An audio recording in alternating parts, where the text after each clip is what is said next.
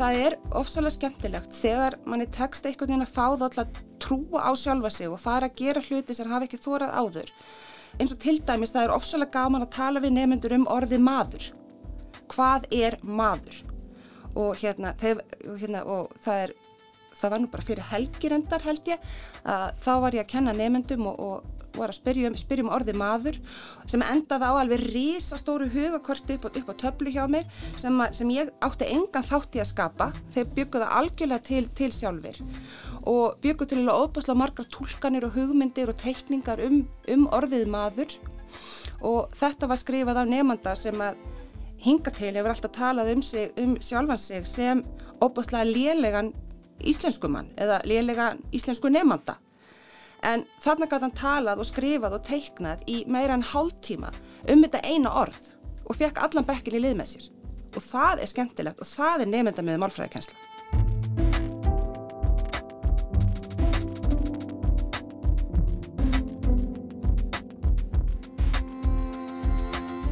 Á námskeiðinu Málið okkar allra, nefnda miðuð málfræðikensla, fá kennarar verkfæri sem gera nefndum þeirra kleift að vera virkir í eigin málfræðinámi. Helga Birgisdóttir, aðjungt í kjænslu íslensku við Mentavísindarsvið Háskóla Íslands, er eina af þeim sem hafa umsjón með þessu námskeiði. Hún er gestur minn í þættinum í dag. Ég heiti Anna Sigriður Þráinsdóttir og þú ert að hlusta á Orða vorði.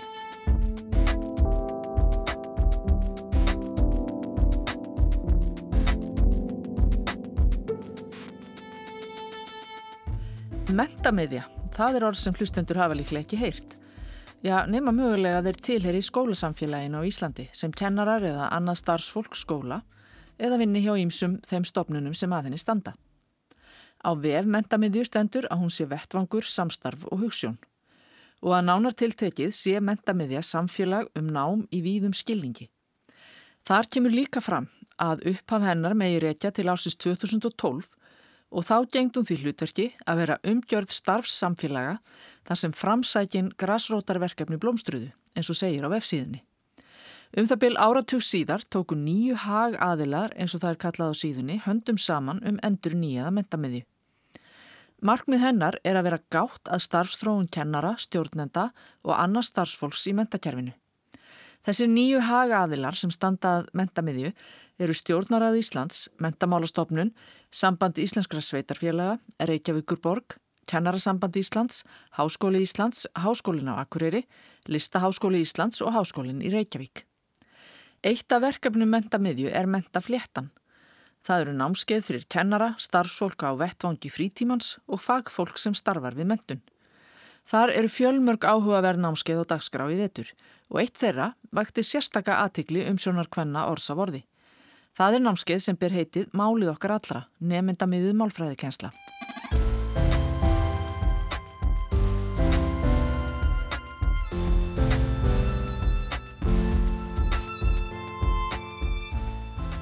Hvað er nefndamiðuð málfræðikensla? Mm, það er kannski svolítið erfitt að útskýra það, þannig að hérna, með fullnæðið hætti, en útgangspunktur í svona hefðbundinni málfræðikenslu er mjög oft og öruglega oftast miklu frekar málfræði bókin eða kennslu bókin sjálf miklu frekar heldur en málfræði þekking nefndans sjálfs og Þú kannast eflust við það og eru allir hlustandu líka, allir sem hafa farið í grunnskóla á Íslandi að hefðbundi málfræðarkensla, hún fælst að opast á stórun hluta í alls konar hugtaka og greiningavinnu. Við lærum hugtök og við lærum að greina orð í tengslu við hugtökinu og þess áttar og, og þannig er gamla góða orðflokkagreiningin fremst í flokki, fullgreiningin svo kallað þegar maður hefur náð fullkomnum tökum á íslenskri málfræði og Þessu fylgja mjög gott verkefni með það sem maður á að stryka undir og gera ring og fyllin í eigður og, og svo, svo leiðis. Og þessu til grundvallar liggur yfirlega einhvers konar svona mállýsing eða málstaða alltaf sem við höfum eitthvað svona fyrirmyndar mál hafa í huga sem er góður í íslensku sem tala rétt mál. Og mál nefnandans er eiginlega alltaf borðið saman við hennan fyrirmyndar málhafa og nefnandin já, ég hugsa sjálfnast og sé nefnandin eh, sambærilega þessum fyrirmyndar ímyndaða málhafa. Þannig að það er alltaf eitthvað að máli nefnandans. Það er aldrei rétt, það er aldrei nógu gott og hann þarf, hann þarf, hann þarf alltaf að búa við það að skoða allar þessar villur. Uh, í nefndamiðari málfræðikenslu þá miður við við það og að útgangspunktur kennsluna sé í rauninni alltaf mál og málfræði þekkings nefndans sjálfs. Við byrjum hjá honum sjálfum og það er það sem ég finnst spennandi, áhugavert og heillandi við þessa nálgun. Og þegar við göngum svona út frá máli nefndans sjálfs þá er til dæmis hægt að fjalla um, um uppbyggingu tungumálsins til dæmis með all, allskens hugtökum líka. Og þá getum við fært áhersluna frá þessum uh, málstaðli, frá þessum fyrirmynda mál hafa, frá hugmyndum um endilega hvað er ránt og hvað er rétt. Og að svona innri máltilfinningu og málfræði nefndans sjálfs, því sem hann þekkir, skilur og veit og færa það kannski frekar í, í orð og þá erum við kannski raunverulega að setja einhverja merki með það á þessa þekkingu sem við höldum að nefnandin eða vitum að nefnandin býr nú þegar yfir, hjálpunum að ræða um tungumálið. Hvers vegna? Það er sérstaklega námskeið um þetta fyrir kennara. Hefur kennslan ekki verið nefndamiðið? Kennarar hafa þetta alltaf og, og, og gera, gera enn í það. Þeir hugsa, þeir hugsa alltaf um nefndu sín og vilja þeim vel og vilja vanda sig og, og kenna vel og vandlega og vekja áhuga og allt það. Auðvitað sjálfsögðu, það verður bara hræstna að segja eitthvað annað. En málfræðikensla hefur uh, í gegnum tíðan að veri litu af þessari súkullu fórskriftamálfræði í staðin fyrir kannski frekar lýsandi málfræði. En viltu segja okkur þá aðeins hvað er fórskriftarmálfræði? Fórskriftamálfræði, hún svona einkennist frekar að því að segja okkur hvað á og hvað, hvað má og hvað á ekki og hvað er rétt og hvað er rám. Þetta er svona, má kannski tengja við tilraunir til að kenna nefendum uh, svona æg ofan í æg að fallbægi orð eins og kýr og ær og steipirreiður og hrinnjandi uh, sem einhvern veginn engum voðalega fáum texta að nota svona óbrengla í töluðu máli. Þannig að nefndunum er alltaf bent á hvað hann gerir rámt endalust, frekar en að skoða, sko, skoða hvað þeir gera rétt eða skoða kannski af hverju þeir gera eitthvað ekki eins og málstaðallin segir tilum. Og maður hugsa bara um gamlu góða eðufyllingaverkefnin sem dæmi, að þá held ég að, man, að fáir nefnendur hafi fengið slík verkefnin tilbaka frá kennarannu sínum þar sem er bent sérstaklega á allt sem gerður rétt. Það er alltaf bent á villurnar og það er bent á villurnar og sagt lagaði þetta frekar hann að segja sjáu hvað það gerir, af hverju heldur þú að hafa gert þetta? Af hverju langaði að gera þetta svona? Ættu við kannski frekar að gera þetta hins einn og kennslubækur eru þetta langstæstum hluta uh, mjög svo í anda þessara fórskriftamálfræði þess að venja nefndur af villum segja mig langar en ekki mér langar og, og, og, og þess áttar og svona hefur kennurum auðvitað mjög lengi verið kent og þetta er svona barið inn í okkur öll og sko mig rámar í umfjöllun frá 1903 um það að hérna það sem kvarta er undan allt og mikill greiningavinnu í málfræði gag, gaglausu greiningavinnu sem skilar engu og bara núna lögadaginn eða sunnudaginn las ég uh, samsvarandi umfjöllun á fjörsbók um gagslausa greiningavinnu. Þannig að það hefur lengi verið kallað eftir svona breytingu og þessu kalli vildum við svona svolítið svara í námskeiðinu okkar. Og við erum hver? Uh, ég sjálf, Helga Birgisdóttir, Hanna Óladóttir, málfræðingu sem vinnur með mér og má eiginlega kalla höfund þessar hugmyndafræði. Hún byrjaði að vinna í þessum anda í dóttorsreikerinni sinni þar sem hún skoðaði málfræði í ef, ef, ef, efstu bekkjum grunnskóla og svo finnur Freiriksson sem að kenni við háskólan á Akureyri og hefur meðal, meðal annars rannsakað uh, tungutakaða mál úlinga og vinnur mjög svona í anda félagsvísindalega málfræði.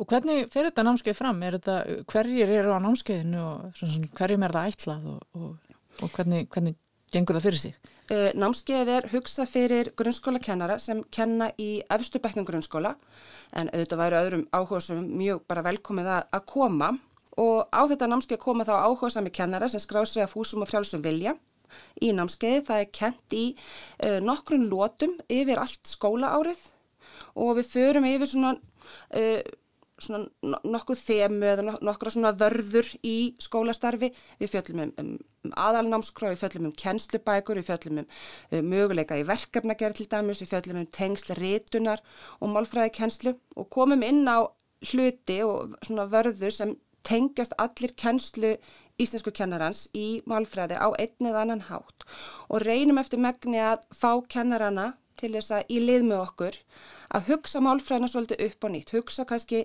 nálgunina aðeins upp á nýtt.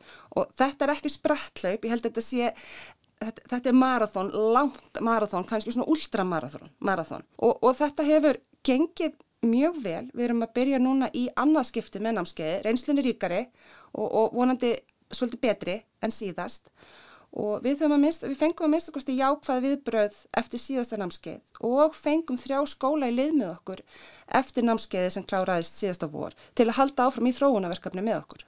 Er, er mikil aðsókn að þessu námskeiði? Hafa kennarar áhuga á því að breyta nálgun í málfræðikenslu? Ég held að mjög margir kennarar hafi áhuga á að breyta nálgun sinni í, í málfræðikenslu.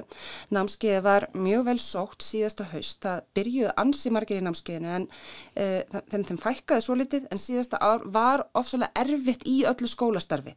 Hvort sem var í grunnskóla, framhaldsskóla eða háskóla og allir sem koma nálagt skólastarfi einn en að annan hátt vita það. Um, og kennarar hafa áhuga á endurmentun algjörlega fullt af fleiri spennandi námskeiðan líka í gangi en endurmentun er erfið fyrir kennara því þeir eru í fullu starfi og nánast í öllum tilíku þá bætist endurmentunin ofan á daglega vinnu þeirra sem er alveg nógu mikil þannig ég, mér, mér finnst að kennarar þyrtu að fá, fá meira svigrum innan síns, síns starfsramma til þess að sinna endurmentun Það er gott fyrir allt skólastarf og allt bara skólasamfélag. Og þetta er að sagt, námskeið er fyrst og fremst ætla starfandi kennurum, það er ekki ætla kennaranemum en, en þið eru kannski farin að, farin að uh, beita þessum aðferðum líka í kennarnámi? Uh, já, námskeið er ætla starfandi kennurum í grunnskólum um landa allt og er fyrir kennar á öllu landinu, við kennum það í, í, í fjarnámi. Og Við reynum að beita þessum aðförum og, og kynna þær og kenna þær í kennaranámi og svo, ég, svo reynir ég líka að beita þessu sjálf í minni kennslu í, í framhaldsskóla. Já, þú ert nefnilega einmitt, hefur, ert ekki bara starfandi háskólakennari, heldur, heldur ertu líka að kenna í framhaldsskóla? Já, uh, ég, já, já, ég er svo heppin að, að ég hef kent á eiginlega öllum mögulegum skólastegum, svona mislengi kannski á hverju uh, og ég var í fullu starfi í framhaldsskóla í nokkur ár og tím ekki hætta alveg, það er svo gaman að kenni framhaldsskóla og lingar eru nefnilega skemmtilegsta fólk í heimi. Og kenni sem þetta í hlutastarfi við tækniskólan og sem er, það er alveg ofsalega gaman að vinna þar, það er rosalega gaman að kenna úlingum íslensku. Og ég er svo heppin að fá að gera það. Og þar kenni ég, eh, nún, kenni ég áfanga í málfræði eða málvísundum og hef markvist þegar að reyna að nota hugmyndafræði og aðferðafræði lýsandi málfræði í þeirri kennslu.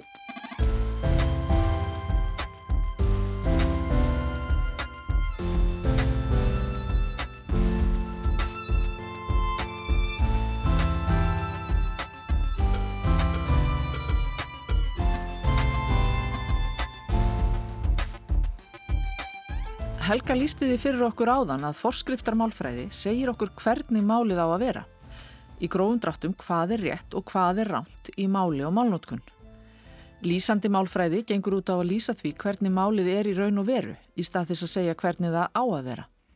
Lýsandi málfræði er greinandi að því leiti að hún gengur út á að mál og málnótkun eru skoðuð og því lýst hvernig þessu er háttað fremur en að segja hvað er rétt og hvað er ránt. Núna er ég á mjög meðvitan hátt að reyna að beita þeim meðlun sem við höfum kent í námskeiðinu, ég, Hanna og, og Finnur. Og sí, á síðustu önn þá fórum við Hanna Óladóttir af stað með svolítið rannsókn á þessari kennsluminni þar sem við erum að reyna að, við reyndum að útbúa öll hæfni við með allt mat, öll verkefni, allar innlagnir og þess aftar í anda uh, nefndamiðaði málfræði kennslu og erum núna svona að skoða niðurstöðunar og reyna svona að sjá út hver, hver niðurstana þessu öllu sem maður var, hver, hvort nefnendur og kennara grættu á eitthvað nátt. Og þannig að niðurstöðunar eru ekki komnar? Þannig að við getum ekki spurt því út í það. niðurstöðunar eru ekki komnar en svona það sem við, við ætlum að kynna þar á, á mentakveiku í oktober í fyrirlesti en eh, ef fólk er mjög forvitið að þá, e, þá verður það svona fyrstu niðurstöðu vera mjög, vera jákvæðar. Eh, það verðist bara einfallega vera þannig að þegar við uh, treystum úlingunum okkar og leifaðum að bera ykkur á ábyrg, hvort sem það er í málfræði, kjensli eða einhverju öðru, þá sýnir það sig svo til alltaf að það má treysta þeim og þeir geta ímislegt og mjög mikið, oft miklu meira maður heldur. Og uh, það, það er svolítið þannig með svona nefnda með að málfræði kjenslu að við þurfum að treysta krokkonum til að uh, til að hafa eitthvað að segja, til að uh, tala um tungumáli sitt sjálfi, til þess að beita þessum hugtökum sem þeir hafa lært alveg bara frá þriðjabekk í grunnskóla í umfjöldin sinni um tungumálið. Og þegar við gerum það, þá, þá verða það kannski fyrst svolítið hrettir að þeir hafa kannski ekki fengið mörg tækifæri til þess hinga til en svo, svo verða þær ánæðir og þeir verða áhuga samari og ef nefnendur hafa áhuga á að fjalla um tungumálið og, og skrifa um það og veltaði fyrir sér þá verða það einhvern nátt líka sko, meiri hluti af málsamfélaginu og þá kannski um leið ábyrgari málnótendur og eru íslensk, íslenskunni þá ekki bara hérna, þá ekki framtíðin bara björnt Það sé ég, held ég hljóta að vera. En uh, segðu mér þá bara svona burt sér frá öllum rannsóknum. Hvernig gengur þér að draga þetta fram í nefndum? Hvernig, hvað gerist þegar nefndur fá tækifæri til þess að tala um málið sitt á sínum eigin fórsöndum? Já, það er nú bara, sko, eins, kannski eins misat og nefndur, nefndur eru margir og, en það er ofslega gaman að sjá nefndur þegar þeir, þegar þeir fara að þóra og þóra kannski einhverju sem þeir hafa ekki þórað áður. Og það er rosalega algengt að nefnendur líti sem svo á að þeir séu opaslega léleir í íslensku. Og ég veit ekki af hverju einhver hefur sagt, eitthvað, hvort svona margir hafi sagt það við þá eða þeir bara búið þetta til, til hjá eitthvað hjá sjálfum sér. En uh, það er ofsalega skemmtilegt þegar manni tekst eitthvað að fá það alltaf trúa á sjálfa sig og fara að gera hluti sem hafi ekki þórað áður. Uh, eins og til dæmis það er ofsalega gaman að tala við nefnendur um orðið maður. Hvað er maður? Og hérna, þeir, hérna og það er, það var nú bara fyrir helgirendar held ég, að þá var ég að kenna nefnendum og, og var að spyrja um, spyrja um orðið maður sem endaði á alveg risastóru hugakorti upp, upp á töflu hjá mér sem, sem ég átti engan þátti að skapa, þeir byggðu það algjörlega til, til sjálfur og byggur til að ofbásla margar tólkanir og hugmyndir og teikningar um, um orðið maður. Og þetta var skrifað á nefnda sem að hinga til hefur alltaf talað um, sig, um sjálfan sig sem ofbásla lélegan íslenskumann eða lélegan íslensku nefnda. En þarna gæti hann talað og skrifað og teiknað í meira en hálftíma um þetta eina orð og fekk allan bekkin í lið með sér. Og það er skemmtilegt og það er nefnda með málfræðikensla. Eru nefndur móttækilegir fyrir þessum aðferðin? Já, þeir eru það. Þeir, það er líka svo gaman, úlingar hafa oft áhuga á sjálfum sér. Þeir finnst gaman að tala um sig. Þeir finnst til dæmis ofsalega gaman að skrifa, skrifa reitgerir um eigin máltöku og eigin mál, málhæfni. Þeir finnst það rosalega spennandi. Bara svona svo, dæmis í tekið. En þeir verða oft svolítið hissa. Þeir, hérna, þeir finnst líka oft uh, svolítið erfitt svona í byrjun að stíga frá kennslubókinni Kennslubókin getur verið svolítið örug. Það er volið örugt að sitja og, og, og, hérna, og merkja inn í eigður eða streika undir að gera ringur, ringutunum eitthvað eða, eða fallbega kýr til dæmis, aftur, aftur og aftur. En það þarf kannski, maður þarf að leita kannski svolítið innan við og skoða hlutinu svolítið öðruvísi ef maður ætlar til dæmis að skrifa reytkjum um, eigin málkunnáttu. Þú nefnir það að nefnendur séu uh, lítið svo á að þessu sjálfur ekkert sérlega góður í íslensku að þeim finnist þau ekki vera góður í íslensku getur ástæðan fyrir því verið leið einmitt í því sem þú varst að nefna áðan að uh, það er alltaf verið að benda þeim á hvað þau gera vittlust eða það sem þau þurfa að laga aldrei hvað þau gera vel eða rétt getur það verið einhver ástæða að þess að þessu endilega verið að segja við þau þessu er liðlega íslensku en ef þau eru með tíu orð og fimm eru mert vill, sem villa dragaðu þá þessa álíktun að þau séu liðlega íslensku? Ég hugsa að það hafi örgulega heil, heilmikil áhrif á það að, uh, að svona kannski uh, viðbröðin eða aðtóðsemdirnar sem, sem þau fá uh, sé og hafi oft verið fre, frekar neikvæð. Og svo bara umræðan í þess samfélaginu held ég yfirleitt. Ég hugsa að það hafi aldrei verið til kynsla úlinga sem hafi ekki verið ómögulegri en kynsla ána undan og ég held að allar kynnslóður úlinga sé að fara til fjandans. Það hefur alltaf verið þannig. En það eru þetta ekki satt, að því ef það væri satt, þá, þá væri eiginlega ekkert eftir af heiminum. Og ég held að allir úlinga séu frábærir, meira og minna, og, og hafa alltaf verið það og verði það alltaf. En það, það er þetta með að ganga út frá því einhvern veginn að úlinga séu eitthvað nátt ómögulegir. Og þetta með að, að, hérna, að tala alltaf neikvægt um málkunnáttu þeirra og, og það sem þið segja og hver, hvernig þið segja það og, og, þess áttar. Og svo þessi undarlega einhvern veginn lenska hjá okkur að, að þessi litið einhvern veginn á íslenskuna sem frekar leiðilegt fag. Kannanir og rannsóknir hafa sínt það að íslenska nýtur sífælt minni vinsalda sem námskrein og, og aðra námskreinar eru áleitna miklu skemmtilegri, til, til dæmis enska. Og það er mjög stutt síðan síðan ég las lýsingu hjá afskaplega svona pyrruðum föður á að íslensku kjensla væri ekkert annað en málfræðistakl og kannski ef, ef það eru skilabóðin sem, að, sem úlingar fá þá er kannski ekkert skrítið að þeim, að þeim finnist það. En þá vil ég einmitt spyrja, því þú hefur mikla reynslu bæði sem grunnskólukennari og framhaldsskólukennari um, af hverju er íslenska leiðinlegra en aðra námskrennar? Já, það, ég, það, ég held að það tengist alveg óskaplega mörgun. Ég held að tengist, sko, íslenska er, er öðruvísi en aðra námskreinar að því leiti að þetta er ekki bara fag, þetta er líka kennslu tungan og þetta er líka móðurmálið okkar. Og hún skiptir opaslega miklu máli og þessu, þessu eru nefnendur sammála. Og ég segi það er ekki bara mín reynsleldu, það er stiðja það líka og skólastjórnundu segja það og, og kennarar segja það líka.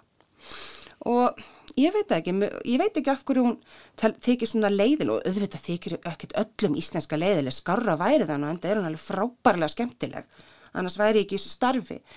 En ég held að að mjög miklu leiti hljótið þetta einhvern veginn að liggja í viðhorfi okkar og ekki bara viðhorfi nefndast, heldur kannski líka viðhorfi kennara og viðhorfi foreldra kannski bara og, og, og samfélagsins. Ég, meni, ég talaði áðan, áðan um það að ég hefði fundið, fundið hérna, greinar um það sem eru meirinn 100 ára gamla, gamlar um tilgangslöst málfræði stakl. Þau eru ekki bara að fara að hætta því og gera eitthvað skemmtilegra, áhugaverðar og svona áþreifanlegra sem nefnendur tengja við samfélagið og finnst skipt einhverju máli þá verður þetta öruglega skemmtilegt. Eins og þið eru að reyna að gera á þessu námskeiði vantilega, við snúum okkur aftur að, að námskeiðinu sem að, sem að heitir Máli okkar allra, nefnda miður málfræði tjensla. Uh, Þannig eru þið einmitt að reyna að, að snúa uh, náminu við, að það sé ekki verið að mata nefnendur og heldur að fá þá til að taka frumkvæði. Já, svo heldur til að fá, svo litið að svona fá nefndu til að taka frumkvæði og líka ekki, ekki, ekki hvað sísk og þetta námski snýst auðvitað rosalega mikið um það að fá kennarana kannski til að breyta aðeins sinni nálgun og það að breyta því hvernig maður, hvaða augum maður lítur málfræði og, og hvernig maður nálgast hana og kennsluna, það krefstu auðvitað líka mjög mikillar faglegar þekkingar á íslensku og á málfræði og málvísundum. Maður er ekki við erum ekki örugir kennarar, faglegir kenna, kennarar og, eða, eða færum að uh, halda upp í skemmtilegur og skapati kennslu án mikillar faglegar þekkingar. Og þannig að við þurfum að kennarar þurfa að kunna heil mikið í íslensku. Og það eru líka, líka komin á öður sem skýri kannski að hluta til af hverju íslenska er leiðileg og það er að Það eru alls ekki allir kennarar, íslensku kennarar, eins og stóða einu sinni aðalnamskur á, en það kenna ofsalega margir kennarar íslensku. Og ef við kennum eitthvað sem við kunnum ekkert rosalega vel, að þá ekki bara þá eigum við erfiðara með faglega dýft og skapandi og frjóa kennslu, þá treystu við kannski bara um of á kennslubækunar. Þá þurfum við kannski að fel okkur of mikið og bakvið kennslubókina, lausnahefti og, og þess aftar. Þannig ég held að aukin og meiri fagleg þekking kennara sér líka alveg líkiladrið í þessu. Er unni með það á námskeiðinu? Já, svona vissuleiti, þegar við erum að kenna þeim eða svona reyna að nálgast þessa nýju hugmyndafræði, við erum að vinna með aðferðir til að, til að, til að nota í kennslu og þess áttar, en við náum auðvitað bara að gera svo og svo mikið á einu námskeiði. En þetta námskeiði enga síður námskeið sem nær yfir allan, allan veturinn. Allan veturinn, en það, er, það, er, að í maður rétt sex skipti sem. Sem við hittum nefndur, já, já hittum já, kennarana sem taka þátt í námskeiðinu. Eh, Þið lýsið námskeiðinu þannig að kennararnir fái verkfæri til að draga fram meðvitund nefnda um eigin málkunnáttu og málnótkun og hvernig megin nota tungumálið og viðegandi málsnið af fjölbreytan hátt. Snýst þetta þá ekkert um rétt mál og ránt eða hugtök? Jú, þetta snýstu auðvitað að sumuleiti um rétt mál og líka, líka ránt mál og líka um hugtök en ekkert endilega eins og við eigum að venjast í svona hefbundnum málfræðitíma. Þannig að í staðan fyrir að segja við nefnendur svona á að segja þetta eða svona á að skrifa þetta eða þetta er ekki rétt hjá þér eða, eða halda innblásna ræður um það að viðtíkingaháttur sé að deyja þá hveti við kennaran á námskjörni hjá okkur freka til þess að skoða með nefnendur sínum hvað sé talið rétt og hvað sé talið ránt og af hverju og, og hvort það sem tali er rétt samræmist málstæðli nefnda eh, eða máltilfinningu þeirra. Af hverju uh, segir nefnandin mér hlakkar til þótt hann vita það eigi að segja ég hlakkar til. Af hverju finnst honum virkilega í allir, allir sálinni sín og hjartarni sín að sé fáránlegt að segja ég hlakkar til. Það er svona það er svolítið það sem við gerum og við viljum nota hugtök auðvita. Þau, þau eru ekki gagslaus en við viljum að nefndu læri hugtök uh, og að þessi fjalla um þau í einhverju samhengi. Uh, við skiljum eiginlega ekkert hugtök og við sjáum engan tilgangi að nota þau ef þau eru ekki í tengslum við eitthvað sem við, eitthvað raunveruleika, eitthvað áþreifanlegt. Það má ekki vera allt og abstrakt. Það má ekki vera í einhverju fræðilegu tómarúmi sem grunnskólanemundur eiga erfitt með að átta sig á og þegar við getum tekið þetta úr tómarúminu og sett þetta í eitthvað svona í, sam, í samhengi við eitthvað raunverulegt þá sjá þeir tilgang með þessu og þá sjá þeir eitthvað röglegt samhengi og vonandi, vonandi eitthvað áhugavert En nú langar mig aðeins að fá það að beina sjónum að ekki nefndum í grunnskólum heldur nefndunum ykkar Já. sjá þeir þetta sjá, sjá kennararnir sem koma námskeiðin til ykkar uh, akkurat þetta sem þið eru að benda á? Já, mér finnst það. Mér, fannst, mér hefur fundist viðbröð sem við fengið á námskeiðinu vera ofsalega góð. Við mátt frjóður og skemmtilegar samræður með, með nefndum okkar og það sem flækist svolítið mikið fyrir þeim líka er hvernig eigi að gera þetta. Uh, hvaða verkfæri eða er að nota, hvaða bækur eigi að nota, hvernig er að hafa tíma til að, til að snúa, snúa allar kvolv og breyta og bæta. Og auðvitað breyta maður ekki öllu í einu, maður þarf að breyta smá hérna og smá þar og svo þarf maður að, að sjá til og gera aðeins meira næstu önn og, og, og, og eitthvað svo leiðis og það er svona svolítið líka það sem við erum að vinna aðeins með þeim og þess vegna er þetta líka sko langklaup en, en ekki sprettur. Af því það tekur tíma að melda nýjar hugmyndir og þetta er svona sem er að baka gerbröð sko, það þýðir ekki bara að blanda deg og henda því strax í opni, það þarf að fá að taka sig og lifta sér og svona. Þannig að þetta tekur allt saman tíma En ok okkur vantar líka uh, námsgögn, okkur vantar líka skólabækur. Uh, það er ennverð að kenn, í, mörg, í mörgum skólum, oft víða, er, er notað mjög gamalt námsefni.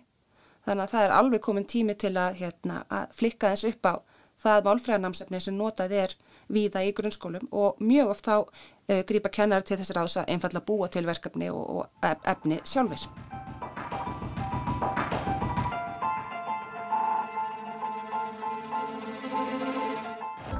Eins og Helga Birgisdóttir bendi á eru kennarar út um allt að gera áhugaverða hluti í málfræðikenslu, jamt sem annar í íslensku kenslu. Samt sem áður hafa rannsóknir sínt að íslenska er óvinnsæl námskrein í grunnskólum. Það er því löngu tímabært að framkomi ný nálgun í málfræðinámi og ánægilegt að þeir háskólar sem veita kennurum mentun í íslensku kenslu hafi tekið saman höndum um að gera einmitt það. Ég hefða líka fyrir satt að nýtti námsefni sé í þróun sem taki mið af nefnda miðaður í málfræðikenslu. Það verður áhugavert að fylgjast með þróuninni.